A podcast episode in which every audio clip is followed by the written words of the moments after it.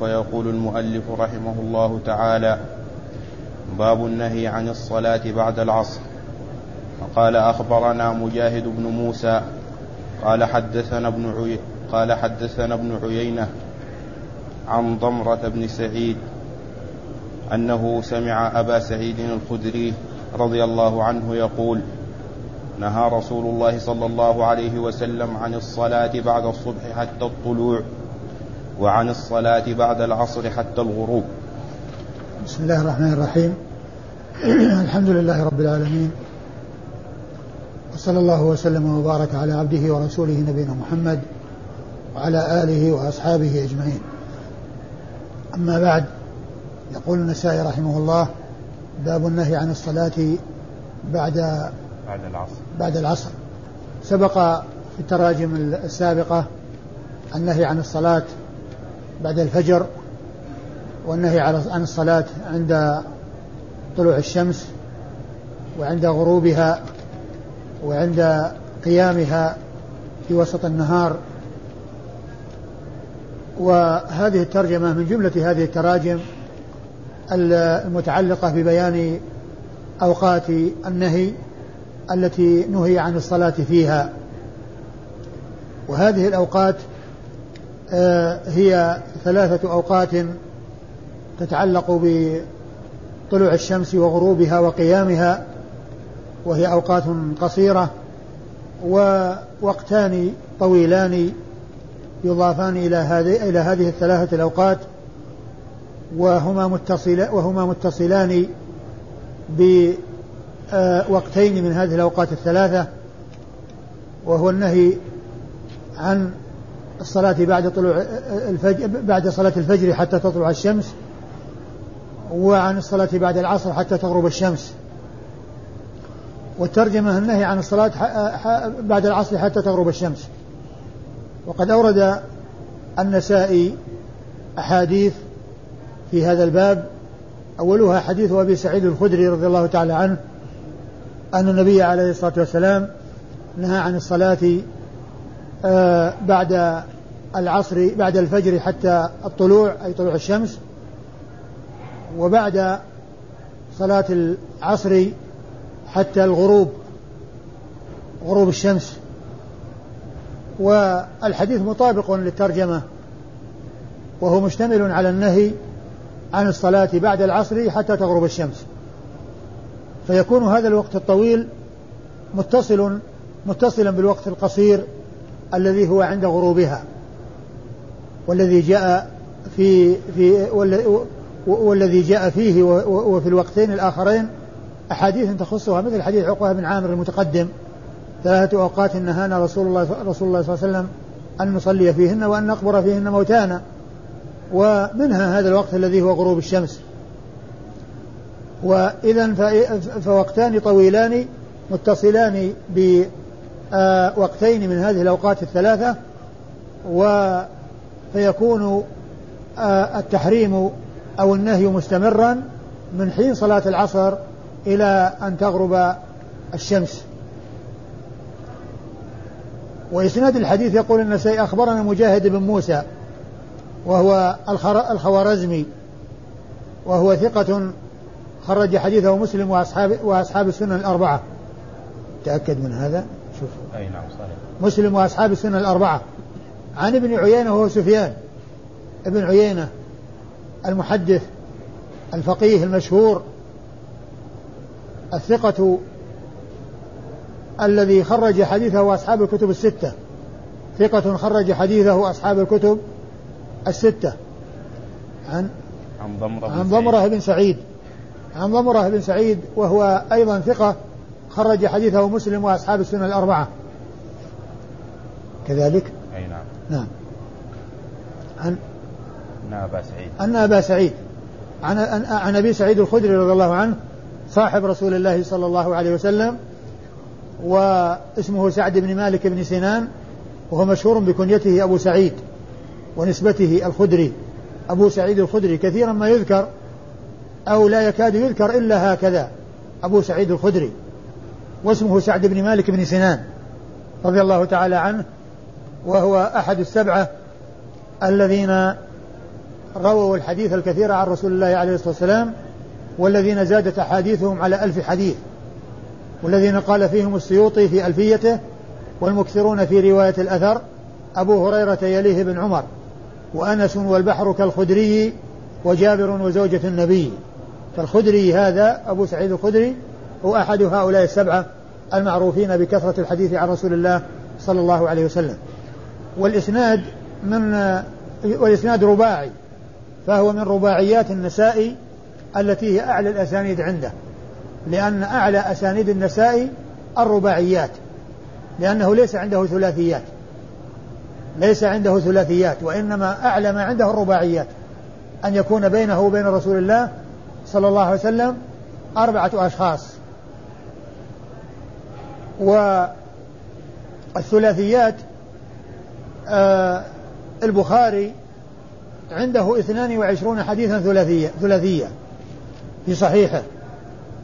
والترمذي عنده حديث واحد وابن ماجه عنده خمسة أحاديث بإسناد واحد. إسنادها واحد ورجالها آه في جميع هذه الأحاديث الخمسة. أما مسلم والنسائي وأبو داود فليس عندهم ثلاثيات. وأعلى ما عندهم الرباعيات وهذا الإسناد الذي معنا من أعلى الأسانيد عند الإمام النسائي رحمه الله. وكلمة الطلوع والغروب آه المراد بها طلوع الشمس وغروبها وأل فيها عوض عن المضاف إليه. أل عوض عن المضاف إليه يعني طلوع الشمس وغروب الشمس. يحذف أحيانا المضاف إليه ويؤتى بأل في أول المضاف فتكون مغنية عنه وهذا يكون على سبيل الاختصار. وهذا يوجد كثيرا في آه، يعني في الكلمات ويستعمل في أسماء الكتب كثيرا من أجل الاختصار مثل ما يقال الفتح والبلوغ والعمدة. والروضة وما إلى ذلك من أسماء الكتب يذكرون المضاف مسبوقا بأل وحذف المضاف إليه. البلوغ بلوغ المرام. الفتح فتح الباري. العمدة عمدة الأحكام. وهكذا. يعني تأتي أسماء كتب مختصرة آه، يحذف المضاف إليه ويؤتى بأل في أول المضاف فتكون مغنية وعوضا عن المضاف إليه نعم. وقال وقال حدثنا عبد الحميد بن محمد قال حدثنا مخلد عن ابن جريج عن ابن شهاب عن عطاء بن يزيد أنه سمع أبا سعيد الخدري رضي الله عنه يقول سمعت رسول الله صلى الله عليه وسلم يقول لا صلاة بعد الفجر حتى تبزغ الشمس. ولا صلاة بعد العصر حتى تغرب الشمس. ثم أورد النسائي حديث أبي سعيد الخدري من طريق أخرى ويقول فيه الرسول صلى الله عليه وسلم لا صلاة بعد الفجر حتى تبزغ الشمس يعني حتى تطلع حتى تبزغ يعني حتى تطلع ولا صلاة بعد العصر حتى تغرب الشمس ولا صلاة بعد العصر حتى تغرب الشمس. فالحديث آه، مطابق أو شاهد أو دال على ما ترجم له النسائي وهو النهي عن الصلاة بعد العصر. النهي عن الصلاة بعد العصر أي حتى تغرب الشمس. هذا الحديث يدل على ما ترجم له المصنف. والإسناد حدثنا عبد الحميد. عبد الحميد بن محمد. عبد الحميد بن محمد إيش قال فيه؟ ثقة روى لا عبد الحميد بن ابن ابن محمد. ابن. أبو عمر الحراني. ها؟ أبو عمر الحراني يقول. أيوة الحراني نعم. عبد الحميد آه، آه، ابن محمد الحراني ثقة خرج له. النسائي. ثقة خرج له النسائي. ثقة خرج له النسائي وحده. هو من شيوخ النسائي ولم يخرج له من أصحاب الكتب الستة إلا النسائي. أيوه. قال حدثنا مخلد. قال حدثنا مخلد ابن يزيد. مخلد ابن يزيد إيش قال فيه؟ صدوق له أوهام. أي خرج حديثه؟ البخاري ومسلم وأبو داود والنسائي وابن ماجه. آه، الترمذي هو فيه؟ لا مو. نعم. وهو صدوق له أوهام خرج حديثه أصحاب الكتب الستة إلا الترمذي. صدوق له أوهام خرج حديثه أصحاب الكتب الستة إلا الترمذي فإنه لم يخرج له شيئا. هذا مخلد ابن يزيد. أيوه. عن ابن جريج. عن ابن جريج وهو عبد الملك ابن عبد العزيز ابن جريج المكي وهو ثقة كثير التدليس. ثقة كثير التدليس. وخرج حديثه أصحاب الكتب الستة. عن ابن شهاب.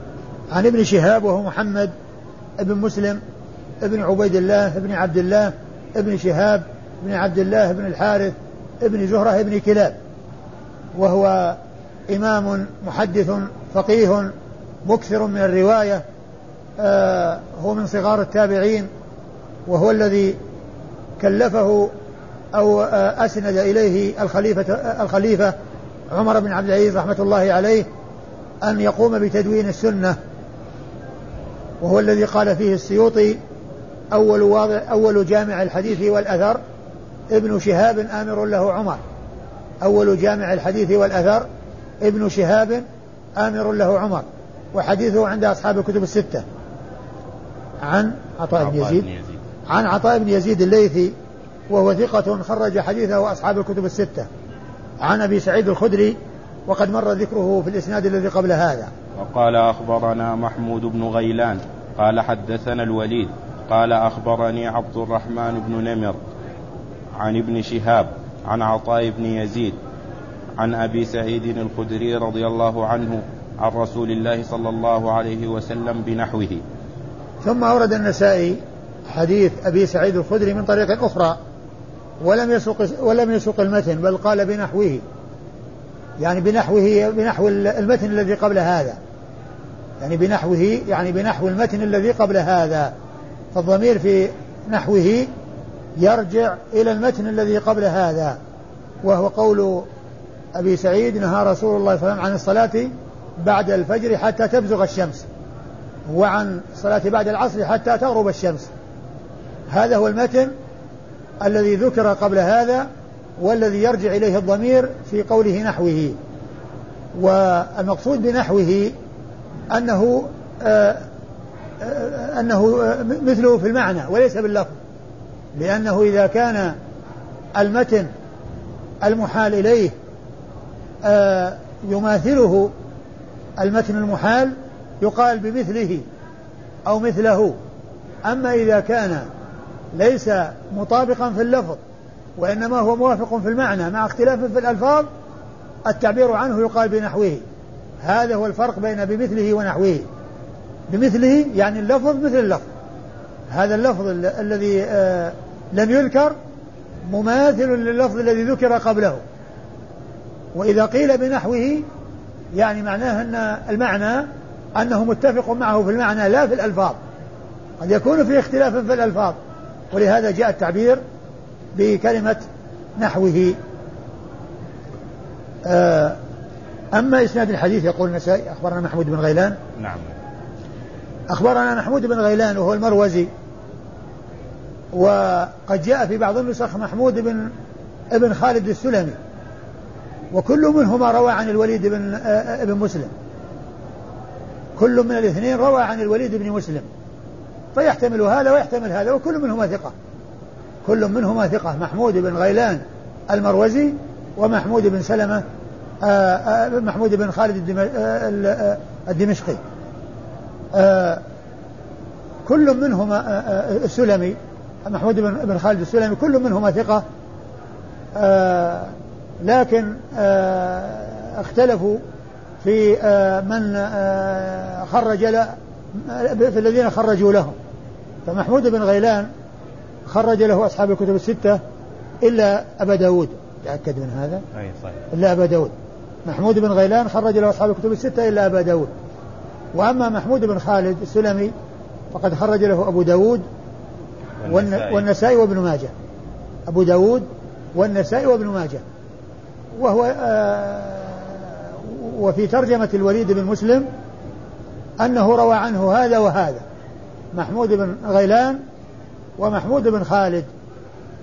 فسواء كان هذا أو هذا المؤدى واحد والنتيجة واحدة وهما ثقتان وهما من آه، شيوخ النسائي وهما جميعا من شيوخ النسائي وقد رويا عن الوليد بن مسلم.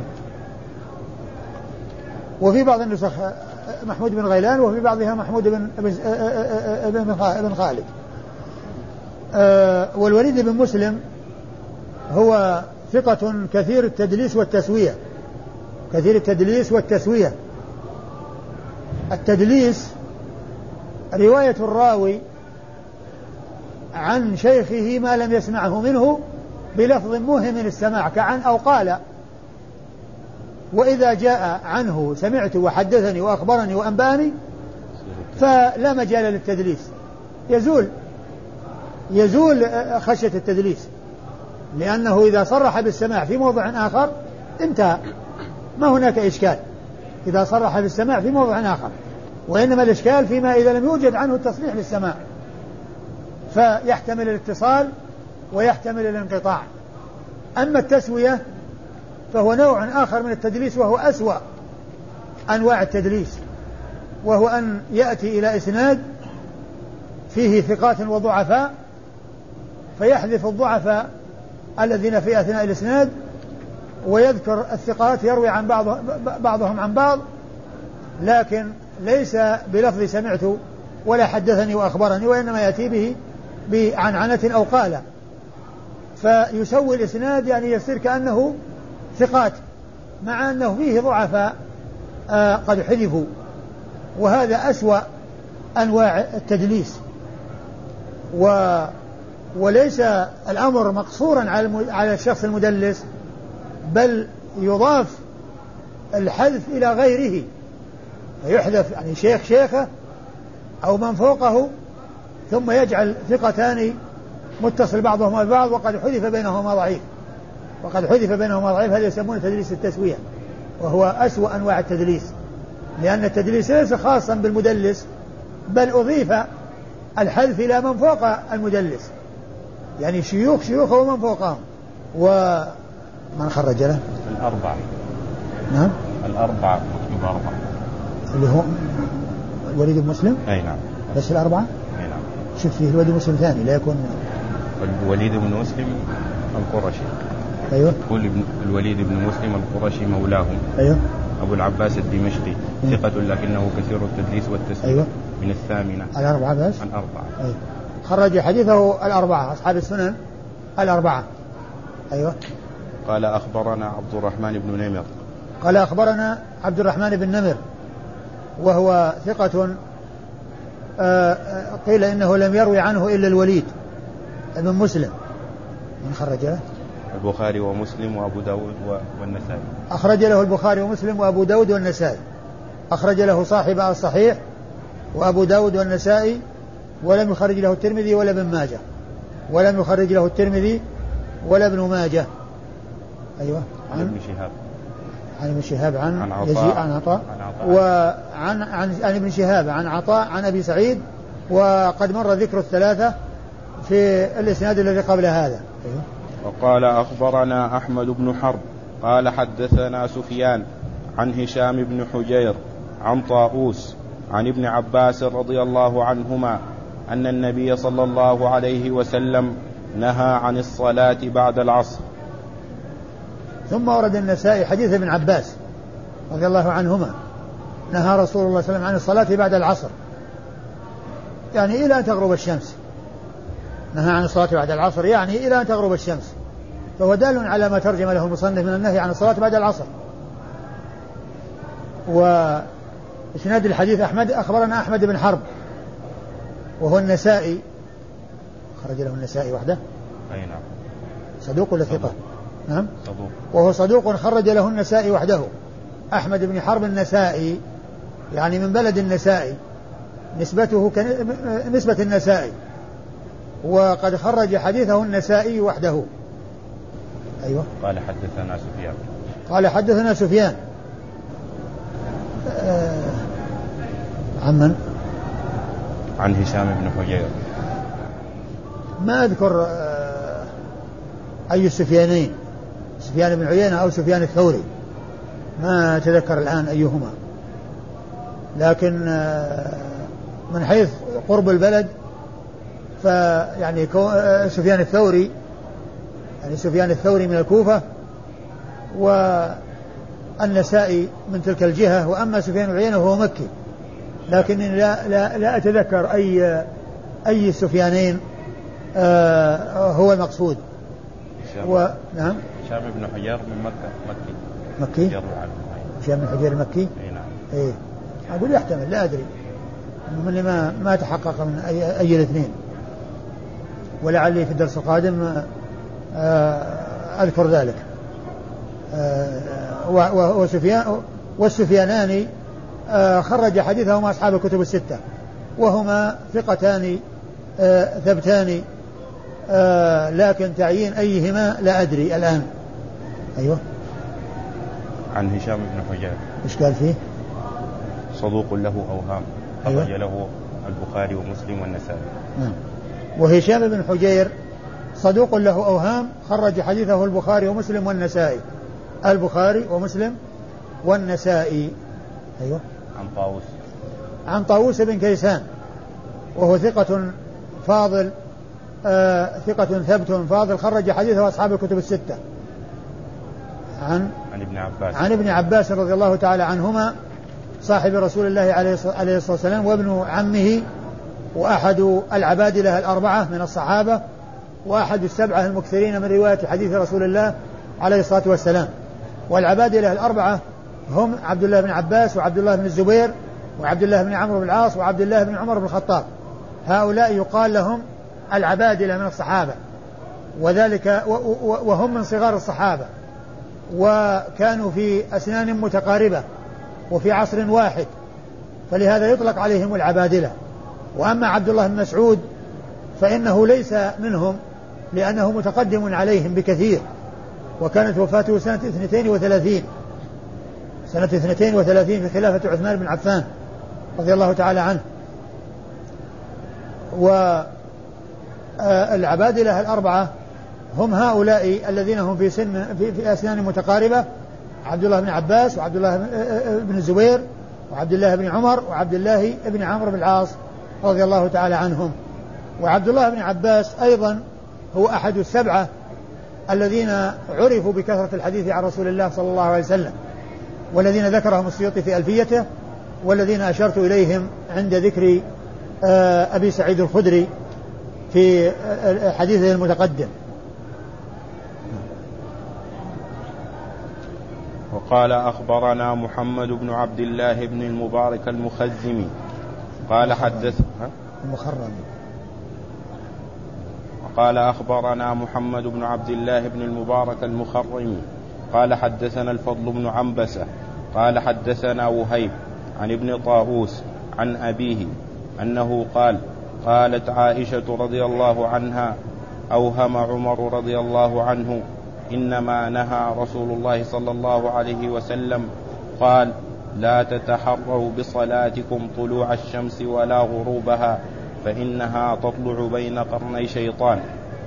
ثم أورد النسائي رحمه الله حديث آه، آه، حديث عائشة أم المؤمنين رضي الله عنها حديث أم المؤمنين عائشة رضي الله تعالى عنها وارضاها قالت أوهم عمر إنما قال رسول الله صلى الله عليه وسلم لا تتحروا بصلاتكم طلوع الشمس ولا غروبها.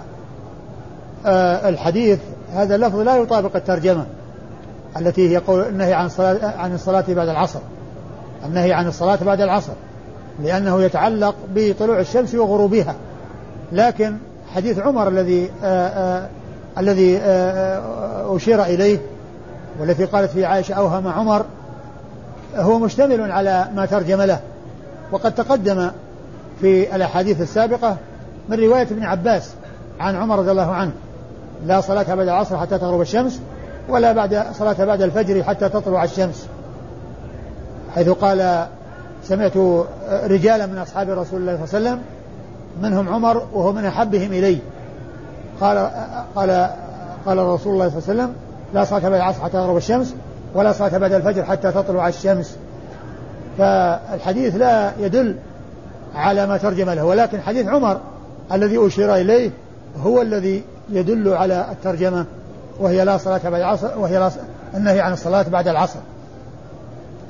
وقول عائشة أوهم عمر قيل إن المراد بها أنه وهم ذهب وهمه و و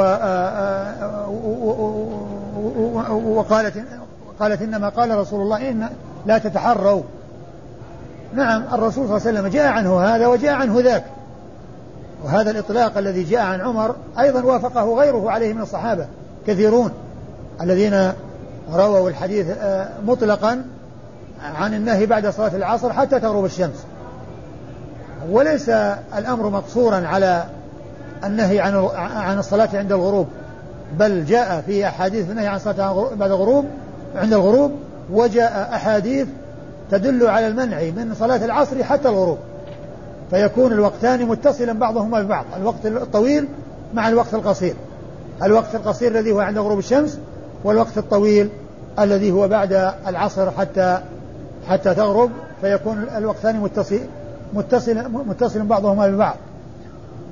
ف وهذا الذي جاء عن عمر وافقه عليه جماعة من الصحابة.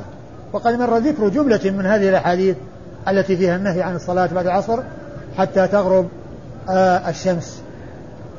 و وأما فيما يتعلق بقرني الشيطان فإن هذا إنما هو خاص بالغروب كما هو كما كما جاء في هذا الحديث وفي من الأحاديث. أنهم لا يتحروا ويقصدوا الصلاة في ذلك الوقت لأنها آه تخرج بين قرني شيطان والشيطان آه يعترض حتى يكون الساجدون للشمس والعابدون لها يكون سجودهم له وعبادتهم له. وإسناد الحديث أخبرنا؟ محمد بن عبد الله بن المبارك. محمد بن عبد الله بن المبارك المخرمي. إيش قال عنه؟ ثقة روى له البخاري وأبو داود والنسائي. ثقة روى له البخاري وأبو داود والنسائي. ثقة روى له البخاري وأبو داود والنسائي. أيوه. حدثنا الفضل بن عنبسة. حدثنا الفضل بن عنبسة. إيش قال فيه؟ ثقة خرج له البخاري والنسائي. ثقة خرج له البخاري والنسائي. مثل الذي قبله إلا أن الذي قبله عنده زيادة أبي داود. مثل الذي قبله إلا أن الذي قبله عنده زيادة أبي داود خرج له. أيوه. حدثنا وهيب. حدثنا وهيب وهو ابن خالد. وهيب بن خالد وهو ثقة خرج حديثه أصحاب الكتب الستة. عن ابن طاووس. عن ابن طاووس وهو عبد الله بن طاووس. وهو ثقة فاضل خرج حديثه أصحاب الكتب الستة. عن أبيه طاووس عن ابن عباس عن لا. قالت عائشة. أي نعم. عن عن طاووس وقد مر ذكره في الإسناد الذي قبل هذا. طاووس بن كيسان. ثقة حديثه عند أصحاب الكتب الستة. عن عائشة أم المؤمنين رضي الله عنها الصديقة بنت الصديق وهي آآ آه، آآ آه، من السبعة المكثرين من رواية الحديث عن رسول الله صلى الله عليه وسلم وهم ستة من الرجال وواحدة من النساء. هذه الواحدة من النساء هي أم المؤمنين عائشة وهي التي قال فيها السيوطي والمكثرون في رواية الأثر أبو, أبو هريرة يليه بن عمر وأنس والبحر كالخدري وجابر وزوجة النبي. قوله وزوجة النبي يعني بذلك عائشة رضي الله عنها فهي الصحابية الوحيدة التي كثر حديثها ولم يقاربها أحد من الصحابيات. وقد زاد حديثها على ألف حديث. قال أخبرنا عمرو بن علي قال حدثنا يحيى بن سعيد قال حدثنا هشام بن عروة قال أخبرني أبي قال أخبرني ابن عمر رضي الله عنهما أنه قال قال رسول الله صلى الله عليه وسلم إذا طلع حاجب الشمس فأخروا الصلاة حتى تشرق وإذا غاب حاجب الشمس فأخروا الصلاة حتى تغرب. ثم ورد النسائي حديث ابن عمر إذا طلع حاجب الشمس فأخروا الصلاة حتى تطلع. وإذا غاب حاجب الشمس فأخروا فأخروا الصلاة حتى تغرب. حاجب الشمس هو طرفها. يعني إذا إذا طلع طرفها ويعني بدأ الطلوع فإنها تؤخر الصلاة حتى يتم الطلوع. حتى يتم الطلوع وترتفع. وإذا غاب حاجبها يعني ذهب جزء منها يعني اللي هو مقدمها أولها أو آه، آه، طرفها فإنها تؤخر حتى تغرب كلها حتى تغرب كلها. والمقصود من ذلك الإشارة للوقتين القصيرين. ومن المعلوم أن الوقتين الطويلين متصلين متصلان بهذين الوقتين القصيرين. لا صلاة بعد العصر حتى تغرب الشمس. لكن هذا إشارة إلى الوقت القصير الذي يعترض الشيطان و يعني عند طلوع الشمس وعند الغروب حتى تكون العبادة له من الذين من الكفار الذين يعبدون الشمس فيكون سجودهم له لأنه يسجدون الشمس وهو يعني يكون معترضا يعني تكون بين قرني شيطان وحينئذ يسجد لها الكفار فيريد أن يكون سجودهم للشمس سجودا له. سجودهم للشمس سجودا له. والإسناد أخبرنا عمرو بن علي. نعم. أخبرنا عمرو بن علي وهو الفلاس المحدث الناقد الثقة حديثه عند أصحاب الكتب الستة. عن؟ قال حدثنا يحيى بن سعيد. قال حدثنا يحيى بن سعيد وهو المحدث الثقة الثبت الناقد يحيى بن سعيد القطان وحديثه عند أصحاب الكتب الستة. عن قال حدثنا هشام بن عروة. قال حدثنا هشام بن عروة بن الزبير وهو ثقة حديثه عند أصحاب الكتب الستة. عن أبيه عروة ابن الزبير بن العوام وهو ثقة حديثه عند أصحاب الكتب الستة وهو أحد الفقهاء السبعة في المدينة المشهورين المعروفين في عصر التابعين. عروة بن الزبير. عروة بن الزبير بن العوام أحد الفقهاء السبعة الذين يطلق عليهم هذا الوصف في المدينة في عصر التابعين. عندما تأتي بعض المسائل التي اتفقوا عليها يقال قال بها الفقهاء السبعة أو اتفق عليها الفقهاء السبعة. عروة بن الزبير هذا هو أحد الفقهاء السبعة في المدينة المشهورين المعروفين في عصر التابعين. وحديثه عند أصحاب الكتب الستة. يروي عن خالته عائشة أم المؤمنين رضي الله عنها وأرضاها وقد مر وقد مر ذكرها. يروي عن ابن عمر. يروي عن ابن عمر. يروي عن ابن عمر رضي الله تعالى عنهما وهو أحد آه وهو أحد العباد له الأربعة وأحد وأحد السبعة المكثرين من رواية الحديث عن رسول الله صلى الله عليه وسلم وهو من صغار الصحابة وهو الذي قال عرضت على الرسول صلى الله عليه وسلم يوم أحد فلم يجزني وعرضت عليه يوم الخندق فأجازني. يعني آه، آه، يريد أن يكون من المجاهدين ولكن الرسول لم يجزه لصغره ولما كان في السنة سنة غزوة الخندق أجازه. وهذا يدل على حرص الصحابة وصغارهم على الجهاد في سبيل الله وأن الواحد منهم يأتي يعرض نفسه وهو صغير يريد أن يكون من المجاهدين لكن لصغره لم يظفر بالإذن له. وفي السنة التي بعدها وفي غزوة الخندق أذن له رسول الله صلى الله عليه وسلم نعم. أيوه وقال أخبرنا عمرو بن منصور قال أخبرنا آدم بن أبي إياس قال حدثنا الليث بن سعد قال حدثنا الليث بن سعد قال حدثنا معاوية بن صالح قال أخبرنا قال أخبرني أبو يحيى سليم بن عامر وضمرة بن حبيب وأبو طلحة نعيم بن زياد قالوا سمعنا أبا أمامة الباهلي رضي الله عنه يقول سمعت عمرو سمعت سمعت عمرو عمرو بن عمرو. سمعت عمرو بن عبسة رضي الله عنه يقول قلت يا رسول الله هل من ساعة أقرب من الأخرى أو هل من ساعة يبتغى ذكرها؟ قال نعم. إن أقرب ما يكون الرب عز وجل من العبد جوف, جوف الليل الآخر.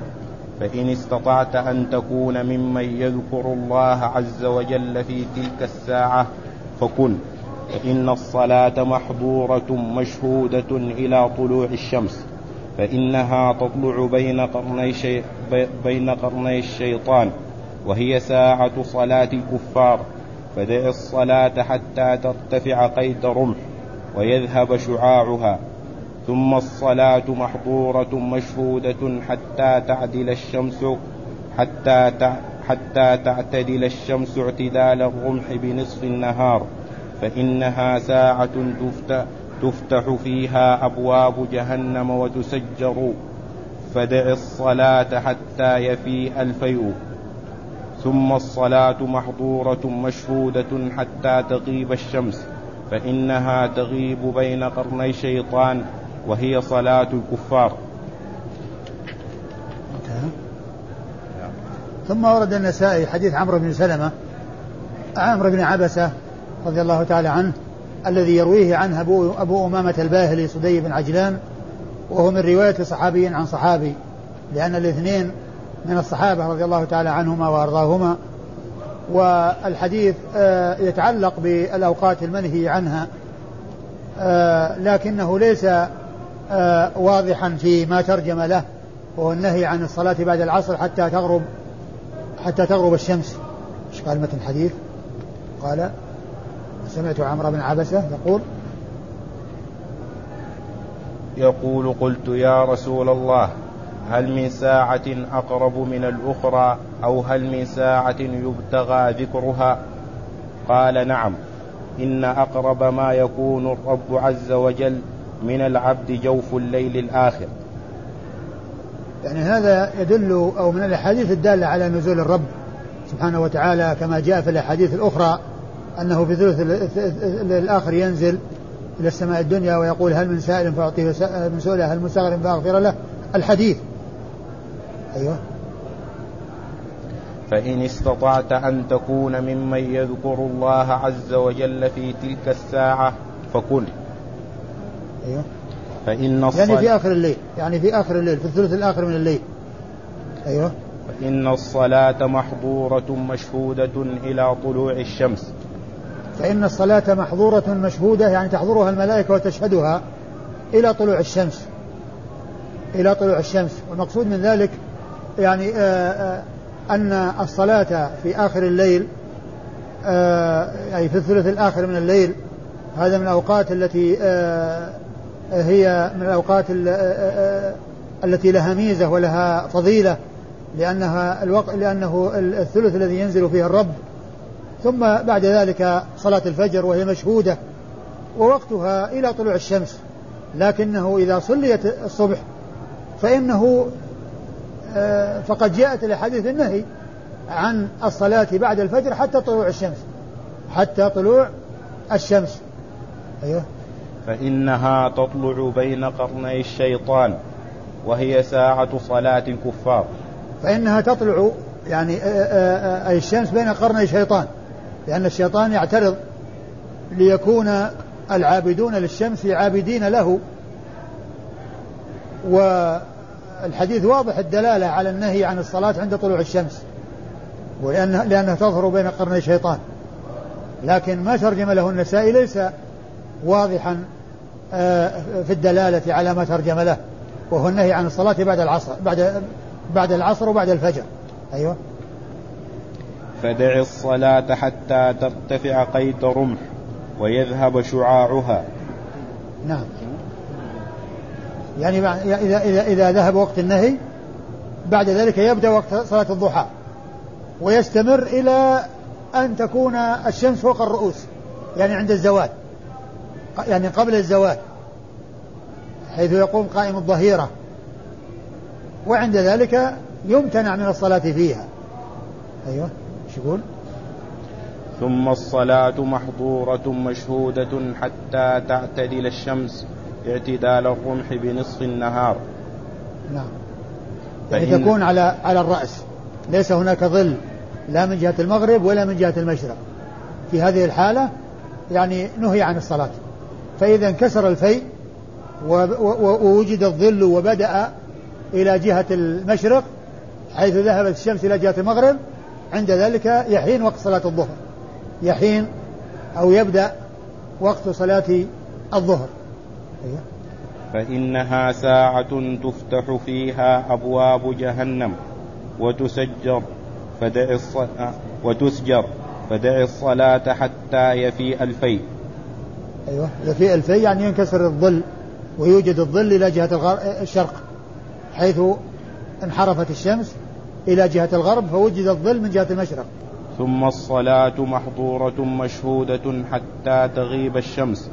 فإنها تغيب بين قرني شيطان وهي صلاة الكفار. ثم الصلاة محظورة مشهودة يعني من ذلك الوقت إلى غروب الشمس. لكن المقصود من ذلك ليس المقصود من ذلك أن الإنسان يصلي كيف شاء لكن صلاة العصر هي تستمر في وقت في وقت آه، الاضطرار إلى غروب الشمس. في وقت الاضطرار إلى غروب الشمس. لكن إذا صليت العصر فقد جاءت الأحاديث النهي عن الصلاة حتى بعد صلاة العصر حتى تغرب الشمس. وهذا هو الذي ترجم له المصنف النهي عن صلاة ولكن الحديث الذي معنا لا دلالة فيه على نفس الترجمة لكن فيه الدلالة على النهي عن الصلاة عند الغروب وعند الزوال وعند طلوع الشمس. أيوه. هذا الحديث. هذا الحديث. انتهى؟ أيوه. طيب. إيش الحديث أخبرنا عمرو بن منصور. إيش قال عنه؟ قال ثقة رواه له النسائي. آه عمرو بن منصور. إيش قال؟ إيش إيش منصور النسائي. النسائي. عمرو بن منصور النسائي. وهو ثقة خرج له النسائي وحده. أيوه. قال أخبرنا آدم بن أبي إياس. قال أخبرنا آدم بن أبي إياس. وهو ثقة وهو من شيوخ البخاري. والنسائي يروي عنه بواسطة. إيش قال عنه؟ ثقة خرج له البخاري. وأبو داود في في الناسخ والترمذي وال أبو داود في الناسخ؟ أي نعم خدال. خدال هكذا والترمذي. النسخة الأخرى دال بس. دال. ما أدري يعني إيش وكذلك في التقريب في في, في خلاصة تذهب الكمال دال. يعني خاء آه دال آه سين تاء. خاء دال تاء سين إيه هنا. يعني البخاري وأبو داود والترمذي والنسائي. يعني في ابن ماجه كمان. نعم في ابن ماجه؟ إيش عندك؟ في خاء خاء خاء دال تاء سين قاف. وفي قاف؟ لا نسخة التقريب ونسخة الخلاصة. يعني فيها غير هذا. بس يحتاج الأمر إلى الرجوع إلى تهذيب الكمال. الذي يذكر فيه يذكر فيه الأسماء دون الرموز. الذين آه، خرجوا له. أيوه. بعدين؟ قال حدثنا الليث بن سعد. قال حدثنا الليث بن سعد المصري المحدث الفقيه الثقة الثبت حديثه عند أصحاب الكتب الستة. أيوه. قال حدثنا معاوية بن صالح. قال حدثنا معاوية بن صالح بن حدير. وإيش قال عنه؟ صدوق له أوهام أيوة خرج له مسلم والأربعة صدوق له أوهام خرج له مسلم وأصحاب السنن الأربعة. أيوه عن قال أخبرني قال أخبرني أبو يحيى سليم بن عامر. أخبرني أبو يحيى سليم سليم بن عامر. ثقة خرج له من؟ البخاري ومسلم والأربعة خرج له الأدب المفرد. خرج البخاري في الأدب المفرد ومسلم وأصحاب السنن الأربعة. عن ضمرة بن حبيب؟ لا. وضمرة بن حبيب؟ نعم. قال أخبرني أبو يحيى سليم بن عامر وضمر بن حبيب وأبو طلحة. وضمرة بن حبيب خرج له وهو ثقة خرج له أصحاب السنن الأربعة. خرج له أصحاب السنن الأربعة. وأبو يحيى وأبو طلحة. وأبو طلحة نعيم بن زياد. نعيم بن زياد. ثقة خرج له من؟ ثقة يرسل. ثقة يرسل خرج له من؟ خرج له النسائي وأبو داود في التفرد. فقاف. فسين. فاسين إيش؟ فاسين صاحب التقريب يقول